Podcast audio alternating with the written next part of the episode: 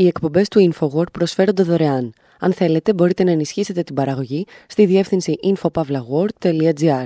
Η διεύθυνση infopavlagor.gr. Η εκπομπή InfoWord με τον Άρη Χατζηστεφάνου.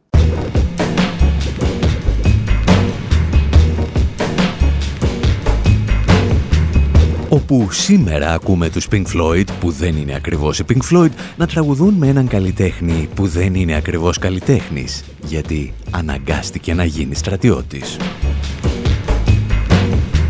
Αναρωτιόμαστε εάν μπορούν να υπάρχουν Pink Floyd χωρίς τον Roger Waters και ο Roger Waters χωρίς τους Pink Floyd. Και για να απαντήσουμε θυμόμαστε παλαιότερα σχόλια όλων των πλευρών για άλλους πολέμους. Παρακολουθούμε ένα συγκρότημα, τα μέλη του οποίου γεννήθηκαν στις τάχτες του Δευτέρου Παγκοσμίου Πολέμου, να περνά από τους νεοφιλελεύθερους πολέμους της Μάργαρετ Θάτσερ. Και κάποια από τα μέλη αυτού του συγκροτήματος να τραγουδούν τώρα για την Ουκρανία και κάποια άλλα για την Παλαιστίνη.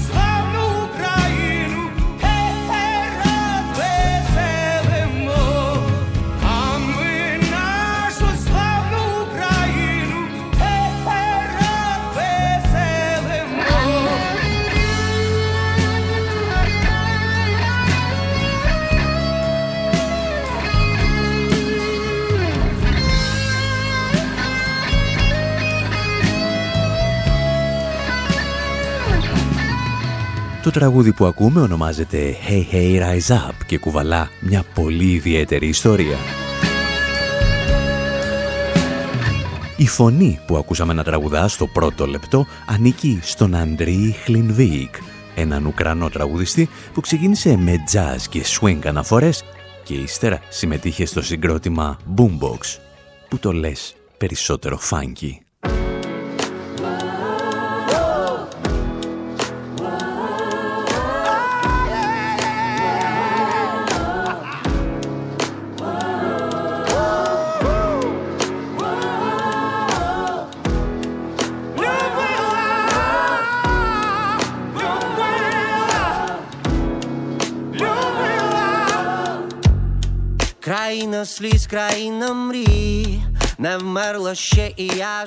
Το 2015 ο Κλινβέικ έπαιξε σε μια συναυλία μαζί με τον David Gilmour, τον Pink Floyd και ύστερα οι δρόμοι τους χώρισαν. Για την ακρίβεια, αυτοί οι δρόμοι δεν θα μπορούσαν να χωρίσουν περισσότερο, γιατί αυτό το Φεβρουάριο ο Κλινβέικ άλλαξε χωρίς να το θέλει καριέρα.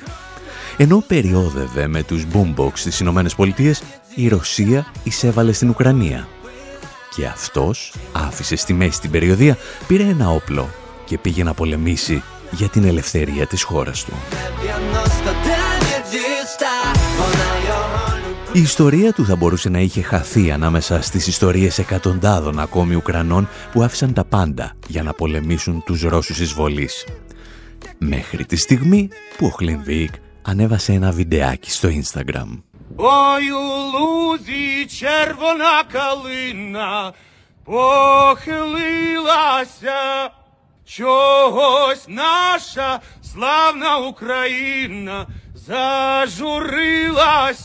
Ο Χλενδίκ τραγουδά ένα παλιό πατριωτικό ή αν προτιμάτε εθνικιστικό τραγούδι του 1914 το οποίο σε λίγα λεπτά γίνεται viral.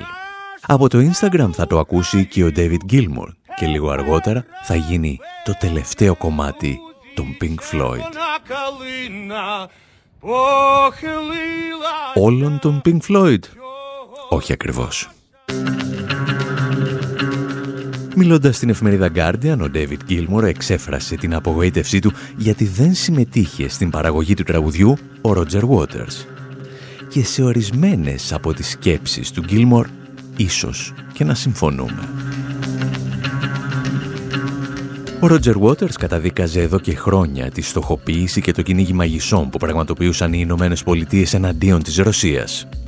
Όπως και πολλοί από εμάς. Μία εβδομάδα όμως πριν από τη ρωσική εισβολή, ο Ρότζερ Waters υποστήριζε με πάθος ότι η Ρωσία δεν πρόκειται να εισβάλλει στην Ουκρανία.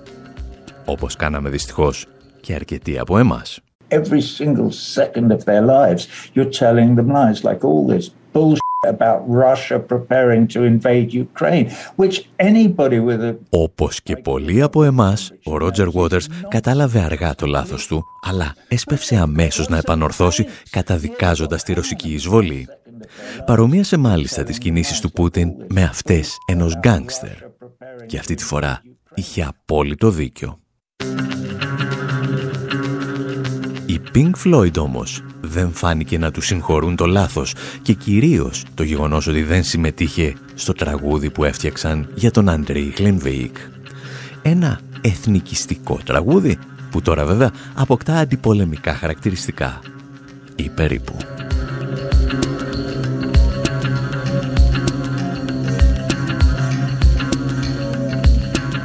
Ένα σημαντικό ερώτημα που προκύπτει πάντως σε αυτό το σημείο είναι μπορούμε να χρησιμοποιούμε το όνομα Pink Floyd εάν δεν συμμετέχει στο σχήμα ο Roger Waters. Και για να απαντήσουμε, σκεφτήκαμε να θυμηθούμε μερικές από τις σημαντικότερες στιγμές στην αντιπολεμική πορεία του Roger Waters με ή χωρίς τους Pink Floyd. Μια ιστορία που ξεκινά κάπως έτσι.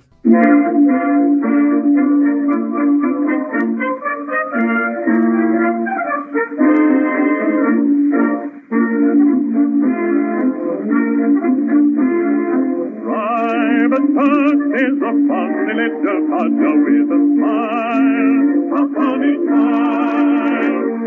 Five feet none, he's an awful little dodger with a smile, a funny smile. Ο Waters καταγόταν από οικογένεια ανθρακορίχων και μονάχα αυτός, του πατέρα του γιος, ήταν πια ένας αστός. Αυτό που άλλαξε για πάντα την ιστορία της οικογένειας Waters ήταν ο δεύτερος παγκόσμιος πόλεμος. This is London. London calling in the home, overseas and European services of the BBC and through United Nations Radio Mediterranean. And this is John Snagg speaking. Supreme Headquarters, Allied Expeditionary Force,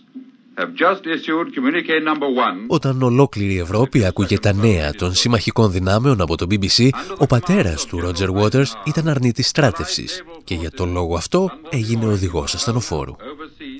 Για την ιστορία ήταν επίσης φανατικός θρησκευόμενος και κομμουνιστής, γεγονός που περιπλέκει τόσο την ιστορία μας, ώστε προτιμάμε να το αφήσουμε στην άκρη.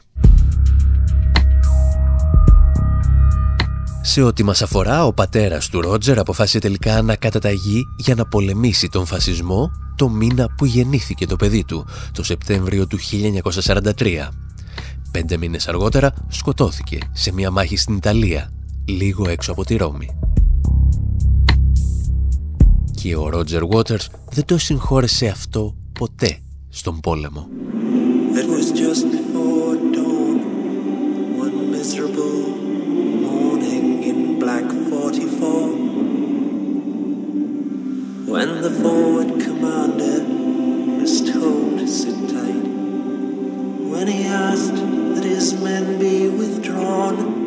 το 1979, όταν ολοκληρώνεται και το The Wall, ο Roger Waters διηγείται με κάθε λεπτομέρεια το θάνατο του πατέρα του στο τραγούδι When the Tigers Broke Free.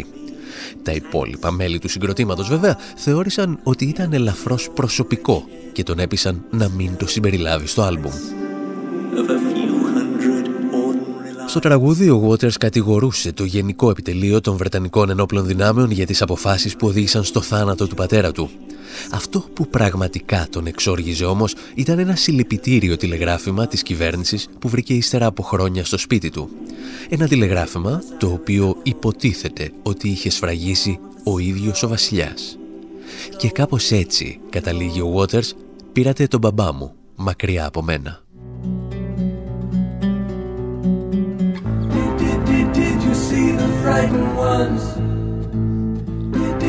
Did, you hear the falling bombs?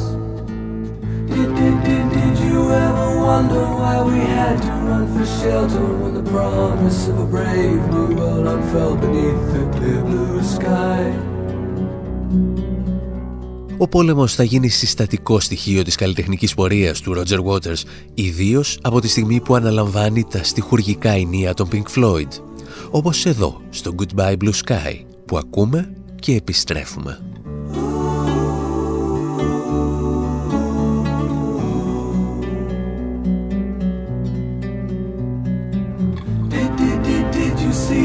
frightened ones. Did, did, did, did you hear the falling bombs? The flames are all long gone, but the pain lingers on.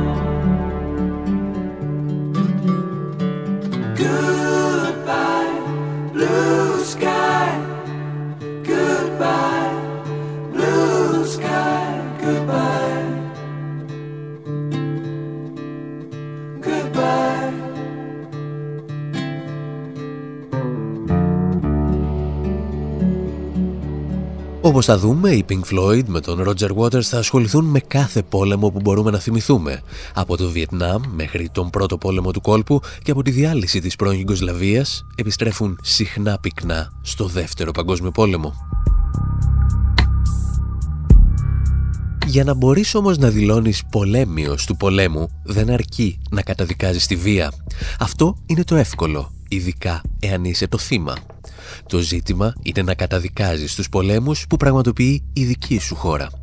Και αυτό ακριβώς θα κάνει ο Roger Waters με τον πόλεμο των Falkland στο Post-War Dream. What have we done? Maggie, what have we done? What have we done to England?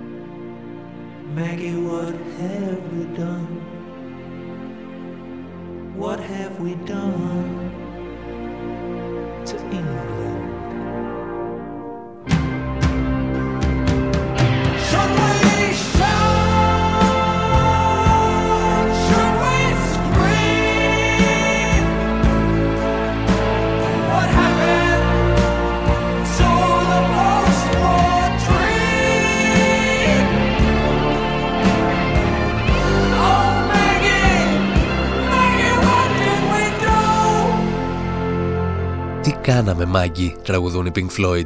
Τι απέγινε το μεταπολεμικό μας όνειρο;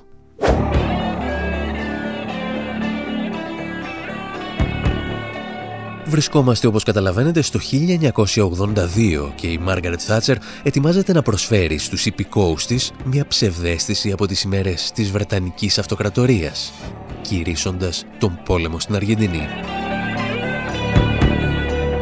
Το διακύβευμα είναι αστείο. Μερικά διαμφισβητούμενα νησάκια στην άλλη άκρη του πλανήτη.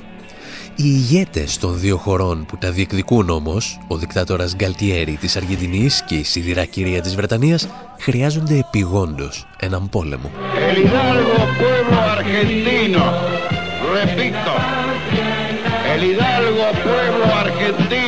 Η Χούντα της Αργεντινής είχε αναλάβει μια διαλυμένη οικονομία και δρώντας για λογαριασμό της οικονομικής ελίτ της χώρας θεώρησε ότι το πρόβλημα θα μπορούσε να λυθεί εάν εκτελούσε μερικούς χιλιάδες συνδικαλιστές και βασάνιζε τα μέλη αριστερών οργανώσεων.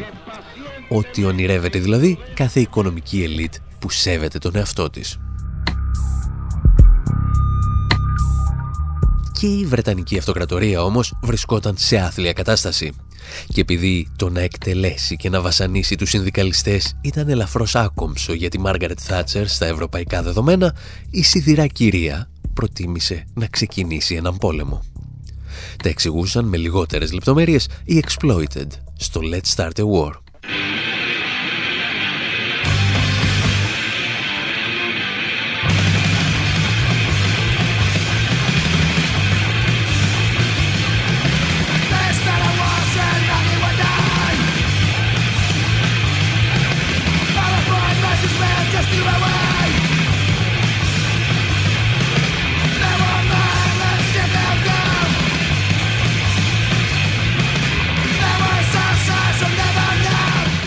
Ξεκινήσουμε έναν πόλεμο», είπε η Μάγκη, «και οι μάζες των ανέργων θα ξεχαστούν και θα πάνε σαν πρόβατα στη σφαγή».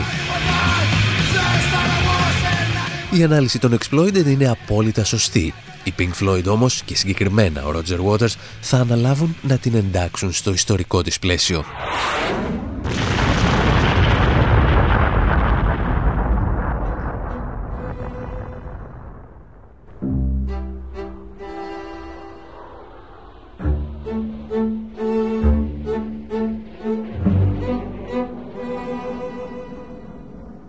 Brezhnev took Afghanistan and Begin took Beirut. Galtieri took the Union Jack. And Maggie, over lunch one day, took a cruiser with all hands, apparently to make him give it back. Ο Μπρέζνιεφ, λέει, πήρε το Αφγανιστάν, ο Μπέγκιν πήρε τη Βηρυτό και ο Γκαλτιέρι πήρε μια βρετανική σημαία. Και η Μάργαρετ Θάτσερ, ενώ έπαιρνε το δείπνο της, έστειλε ένα καταδρομικό για να την φέρει πίσω. Ο Roger Waters αναφέρεται φυσικά στη Σοβιετική εισβολή στο Αφγανιστάν, την Ισραηλινή επιδρομή στο Λίβανο και τον πόλεμο των Φόκλαντς. Αυτόν τον πόλεμο που ο Χόρχε Λουίς Μπόρχες είχε χαρακτηρίσει τον πόλεμο δύο καραφλών για μία τσατσάρα. Οι Pink Floyd όμως δεν περιγράφουν απλώς ιστορικά γεγονότα. Μιλώντας για το τέλος του μεταπολεμικού ονείρου, περιγράφουν μια ολόκληρη περίοδο του καπιταλιστικού συστήματος που φτάνει στο τέλος της και αναζητά σανίδα σωτηρίας στο νεοφιλελευθερισμό.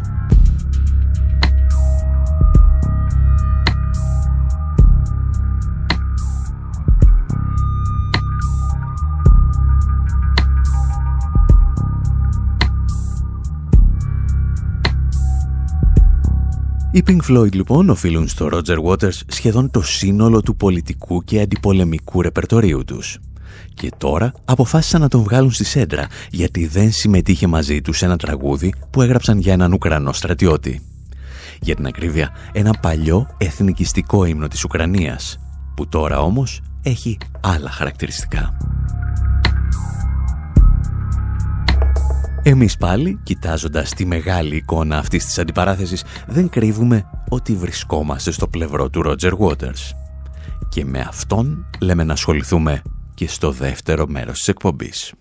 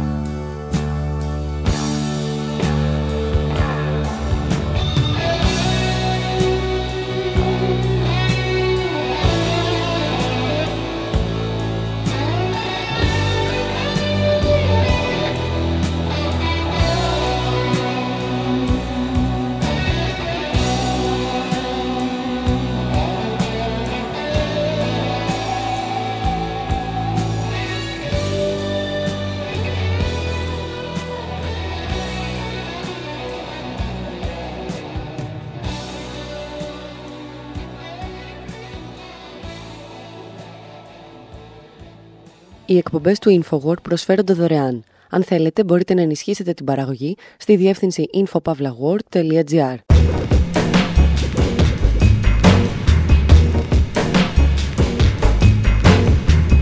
Εκπομπή InfoWord, μέρος δεύτερο. Όπου αφού είδαμε την Ουκρανία να διχάζει τους Pink Floyd, θέλουμε να σταθούμε λίγο περισσότερο στα βήματα και στις θέσεις του Roger Waters. Τον είδαμε να μην συμμετέχει σε ένα τραγούδι που ετοίμασαν οι υπόλοιποι Pink Floyd για έναν Ουκρανό στρατιώτη, αλλά φυσικά δεν έμεινε σιωπηλός. Διαβάζουμε λοιπόν μαζί σας ένα γράμμα που θέλησε να στείλει σε μια κοπέλα από την Ουκρανία και ύστερα θυμόμαστε μερικές ακόμη μάχες που είχε δώσει μέσα και έξω από τα στούντιο. Συγκεκριμένα θυμόμαστε ιστορίες από την πολιτική του σταδιοδρομία στη μουσική ή την μουσική του πορεία στην πολιτική. Καταλαβαίνουμε πώς μπορείς να καταδικάζεις τον Πούτιν και να μην σταματάς εκεί, αλλά και πώς πρέπει να τιμωρείς τους εισβολείς με μποϊκοτάζ. Όλους τους εισβολείς, από τη Ρωσία μέχρι το Ισραήλ.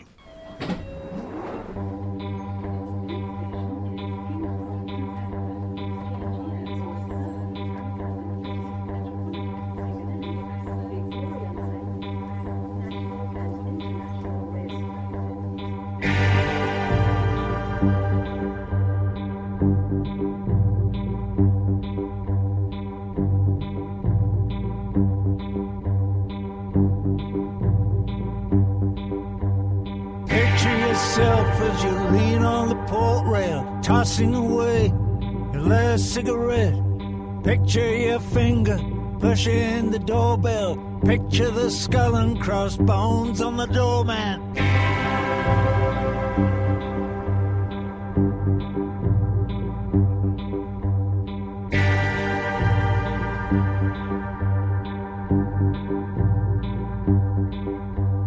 Picture yourself on the streets of Laredo. Picture the Casbah. Picture Japan. Picture your kid with his hand on the trigger. Picture prosthetics in Afghanistan.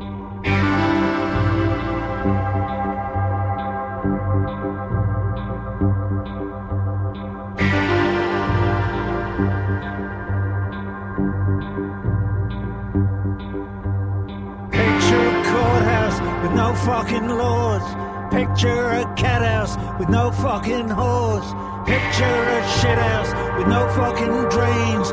Picture a leader with no fucking Ο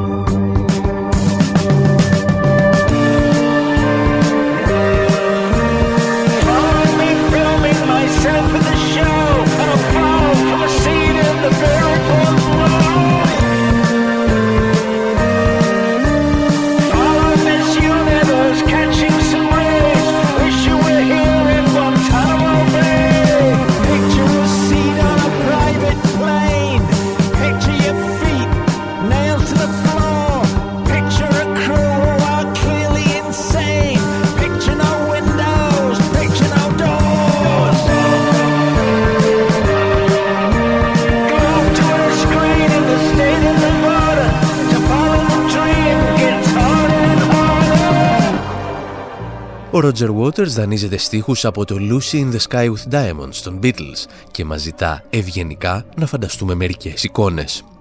Τα παιδιά σας με το δάχτυλο σε μια σκανδάλη και ύστερα κάποιον με προσθετικά πόδια στο Αφγανιστάν. Ένα δικαστήριο χωρίς νόμους, ένα νίκο ανοχής χωρίς πόρνες, ένα καμπινέ χωρίς αποχέτευση και έναν πρόεδρο χωρίς μυαλό. Και αν έχετε αμφιβολίες ποιος είναι ο πρόεδρος που το κεφάλι του είναι άδειο σαν οίκος ανοχής χωρίς πόρνες και ταυτόχρονα γεμάτο σαν τουαλέτα χωρίς αποχέτευση, να σας θυμίσουμε ότι σε μία από τις τελευταίες συναυλίες του οι γιγαντοοθόνες του Roger Waters έγραφαν «Ο Τραμπ είναι γουρού».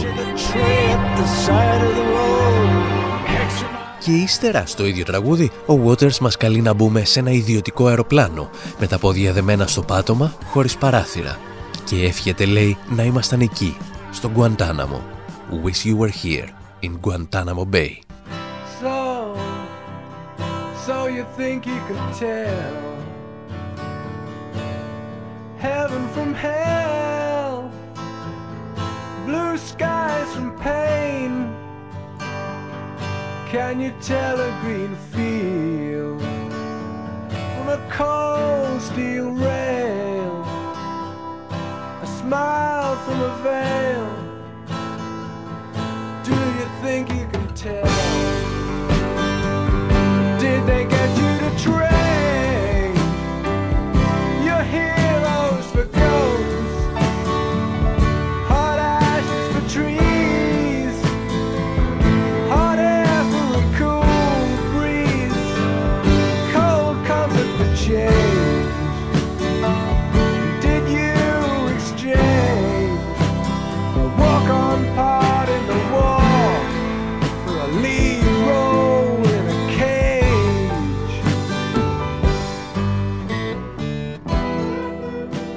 Έχοντας περάσει το μεγαλύτερο μέρος της ζωής του δίνοντας πολιτικές μάχες μέσα και έξω από τα στούντιο ηχογραφήσεων, ο Ρότζερ Waters δέχτηκε το Μάρτιο του 2022 μία επιστολή από μία Ουκρανή κοπέλα η οποία θα μπορούσε να συνοψιστεί και στη φράση «Ναι, αλλά για τη ρωσική εισβολή στην Ουκρανία δεν λέτε τίποτα». Το οποίο είναι ελαφρώς άδικο γιατί ο Ρότζερ Waters είχε τοποθετηθεί για την εισβολή λίγες ημέρες νωρίτερα. Παρ' όλα αυτά, η επιστολή τον συγκίνησε και θέλησε να απαντήσει στην κοπέλα από την Ουκρανία. How I wish you were here. Και εμείς αναθέσαμε στο Δημήτρη Σταθόπουλο να σας μεταφέρει ορισμένα τμήματα της απάντησης του Ρότζερ Waters. Διάβασα το γράμμα σου και αισθάνομαι τον πόνο σου. Είμαι αειδιασμένος από την εισβολή του Πούτιν στην Ουκρανία. Είναι κατά τη γνώμη μου ένα εγκληματικό λάθος. Είναι η πράξη ενός γκάγκστερ. Πρέπει αμέσως να υπάρξει κατάπαυση του πυρός. Λυπάμαι που οι κυβερνήσεις τη Δύσης αντί να χρησιμοποιούν τη διπλωματία στέλνουν οπλισμό ρίχνοντας λάδι σε μια φωτιά που θα καταστρέψει την όμορφη χώρα σου. Ελπίζω ότι ο πρόεδρός σας δεν είναι ένας ακόμη γκάγκστερ και θα κάνει ό,τι είναι καλύτερο για τους πολίτες του, ζητώντας από τους Αμερικάνους να έρθουν στο τραπέζι των διαπραγματεύσεων. Old, getting lonely, getting old. Can you feel me? Πολλοί ηγέτες είναι γκάγκστερ και το μίσος μου για αυτούς δεν ξεκίνησε πριν από μια εβδομάδα με τον Πούτιν. Αιδίασα με τους γκάγκστερ Μπούς και Μπλερ όταν εισέβαλαν στο Ιράκ το 2003. Είμαι πάντα αειδιασμένο από τις κυβερνήσεις γκάγκστερ του Ισραήλ που εισέβαλαν στην Παλαιστίνη το 1967 και συνεχίζουν για πάνω από 50 χρόνια να επιβάλλουν ένα καθεστώς apartheid. Είχα ιδιάσει με γκάγκστερ όπως ο Ομπάμα και ο Κλίντον για τον παράνομο βαρδισμό της Λιβύης και της Σερβίας. Είμαι αειδιασμένο από την ολοκληρωτική καταστροφή της Συρίας που ξεκίνησε με εξωτερικές παρεμβάσεις για την ανατροπή του καθεστώτος του 2011. Ήμουν αειδιασμένο με την εισβολή στο Λίβανο το 1982 όταν ο γκάγκστερ Σιμών Πέρα συνεργάστηκε με τους φαλαγκίτε για να δολοφονήσουν τους Παλαιστίνιους πρόσφυγες στη Σάμπρα και τη Σατήλα.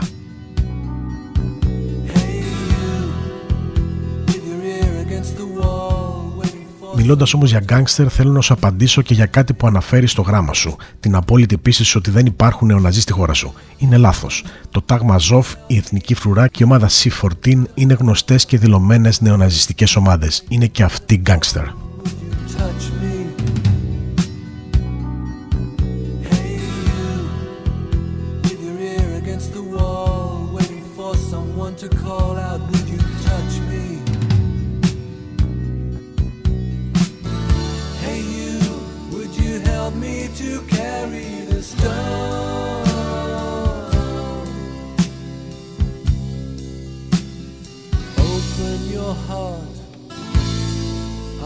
Coming home.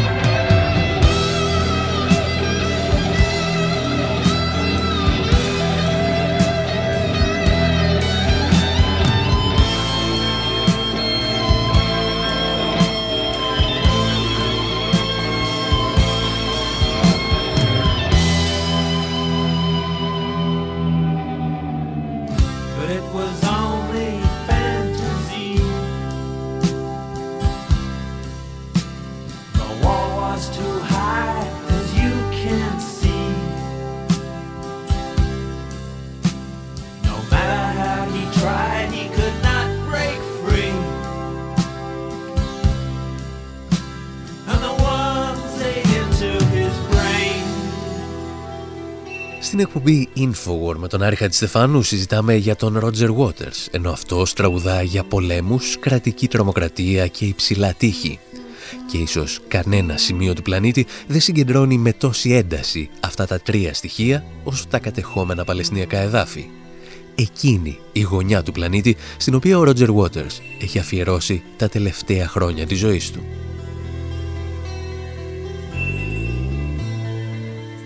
Στο παρελθόν είχε συγκρίνει το κράτος του Ισραήλ με την ναζιστική Γερμανία, ενώ στηρίζει εδώ και χρόνια τις οργανώσεις που μάχονται ενάντια στα εγκλήματα κατά της ανθρωπότητας που πραγματοποιεί η κυβέρνηση της συγκεκριμένης χώρας.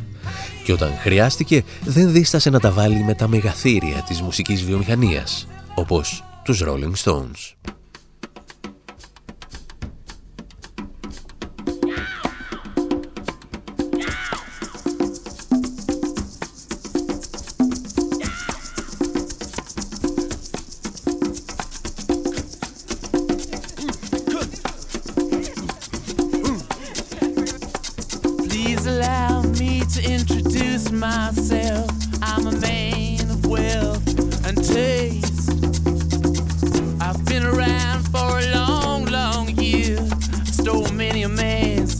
Όταν οι Rolling Stones έκαναν τα τραγούδια τους πράξη και αποφάσισαν να εκφράσουν τη συμπάθειά τους στο διάολο με μια συναυλία στο Ισραήλ, χιλιάδες οπαδοί τους σε όλο τον κόσμο εξοργίστηκαν.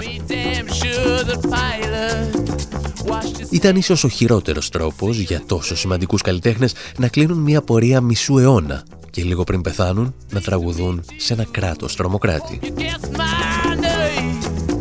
Παρόμοιες σκέψεις πρέπει να έκανε και ο Ρότζερ Waters και έτσι στις αρχές Μαΐου του 2004 συνυπέγραψε μια επιστολή μαζί με τον Nick Mason με την οποία καλούσε τους Rolling Stones να ακυρώσουν τη συναυλία.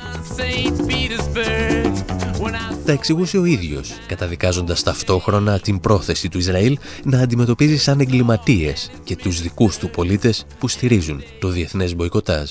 What I have in my hand is uh, a copy of an email that I got this morning from an organization called Boycott from Within. Έχω στα χέρια μου ένα email που έλαβα το πρωί από μια οργάνωση που λέγεται Μποϊκοτάζ από το εσωτερικό. Μου ζητούν να κάνω μια δήλωση γιατί αύριο το Ισραηλινό Κοινοβούλιο θα ψηφίσει για το αν το μποϊκοτάζ του Ισραήλ θα πρέπει να αντιμετωπίζεται σαν κακουργηματική πράξη. Μπορείτε να το πιστέψετε. Το μποϊκοτάζ ήταν μια από τις τεχνικές που χρησιμοποιήθηκε για την ανατροπή του καθεστώτος του Apartheid στη Νότια Αμερική. Πρόκειται για μια απόλυτα νομιμοποιημένη ενέργεια και τώρα η δεξιά πτέρυγα του Ισραηλινού Κοινοβουλίου προσπαθεί να την απαγορεύσει. And the Knesset are trying to make it illegal.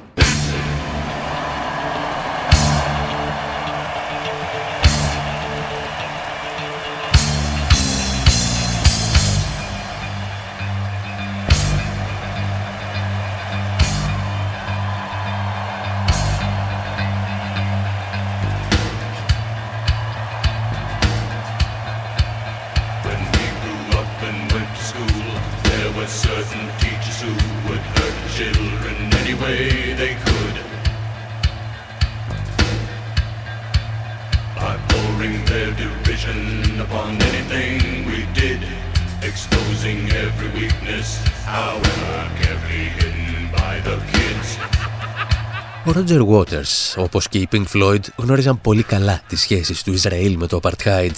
Το φιλοφασιστικό καθεστώς της Νότιας Αφρικής είχε απαγορεύσει την κυκλοφορία του The Wall γιατί είχε μετατραπεί σε ύμνο στις απεργίες των καθηγητών. Το πρόβλημα τώρα ήταν ότι η μάχη του Waters με τα μεγάλα συγκροτήματα που ήθελαν να σπάσουν τον καλλιτεχνικό αποκλεισμό του Ισραήλ θύμιζε τη μάχη με τη Λερναία Ήδρα Εκεί που προσπαθούσε να περιορίσει τον Mick Jagger, πεταγόταν το ξερό κεφάλι του Tom York, τον Radiohead.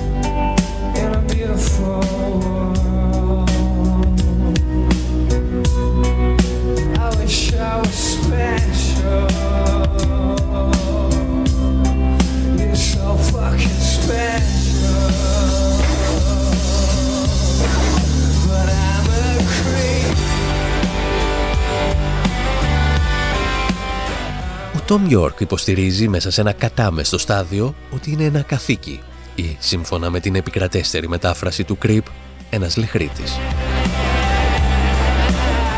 Και ο λόγος για τον οποίο ακούμε τη συγκεκριμένη κακή εκτέλεση είναι ότι ηχογραφήθηκε κατά τη διάρκεια της μεγάλης συναυλίας που είχαν δώσει οι Radiohead στην Ολλανδία με έτοιμα την απελευθέρωση του Θιβέτ. Η Radiohead είναι από εκείνα τα συγκροτήματα που νομίζεις ότι ενδιαφέρονται για τις πολιτικές και κοινωνικές εξελίξεις και το απέδειξαν, λέει, με την συναυλία τους για το Θιβέτ. Μόνο που το συγκεκριμένο αίτημα μπορεί μεν να είναι δίκαιο, αλλά εντελώς συμπτωματικά έχει πάντα και την υποστήριξη της πλησιέστερης Αμερικανικής πρεσβείας. Και οι Radiohead έχουν αποδείξει ότι ξέρουν πώς να μην ενοχλούν τους ισχυρούς. Όταν λοιπόν αποφάσισαν να σπάσουν το διεθνή καλλιτεχνικό αποκλεισμό του Ισραήλ, ο Ρότζερ Waters ήταν εκεί να τους θυμίσει πόσο λεχρίτες είναι. Δεν το είπε αυτός, το λέμε εμείς. Ο ίδιος πάντως εξηγούσε πριν από μερικά χρόνια γιατί το να υποστηρίζει στους Παλαιστίνιους και όχι το κράτος του Ισραήλ είναι αυτό που διαχωρίζει έναν άνθρωπο από έναν μη άνθρωπο. There have been lots and lots of violations of international law by the Israeli government in complicity with Έχουν γίνει πάρα πολλές παραβάσεις του διεθνούς δικαίου από την κυβέρνηση του Ισραήλ με τη συνεργασία της κυβέρνησης των ΗΠΑ. Η κατάληψη της Δυτικής Όχθης, η φυλάκιση του λαού της Γάζας, το χτίσιμο εγκαταστάσεων στα κατελημένα εδάφη και η μετακίνηση του λαού έξω από αυτά τα εδάφη. Όλα αυτά είναι ενάντια στον νόμο. Τα θύματα αυτών των παραβάσεων δεν έχουν διέξοδο. Κάποιοι από εμάς πιστεύουν ότι ο νόμος είναι από τα πιο σημαντικά στοιχεία στη ζωή μας. Αν χάσει την ικανότητά σου να αισθάνεσαι συμπονετικά απέναντι στους άλλους ανθρώπους, δεν είσαι πια άνθρωπος. Έχεις αποτύχει στο να παραμείνεις άνθρωπος.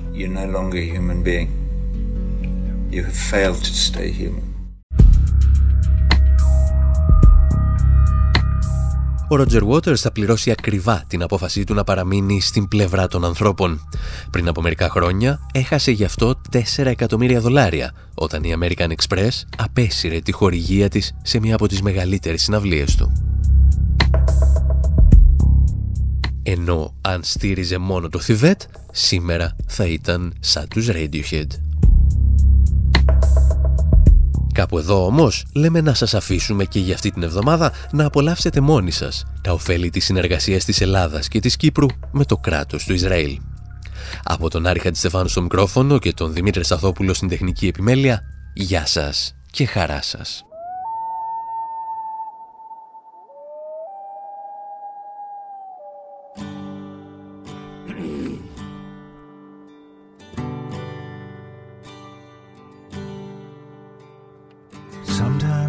Stare at the night sky.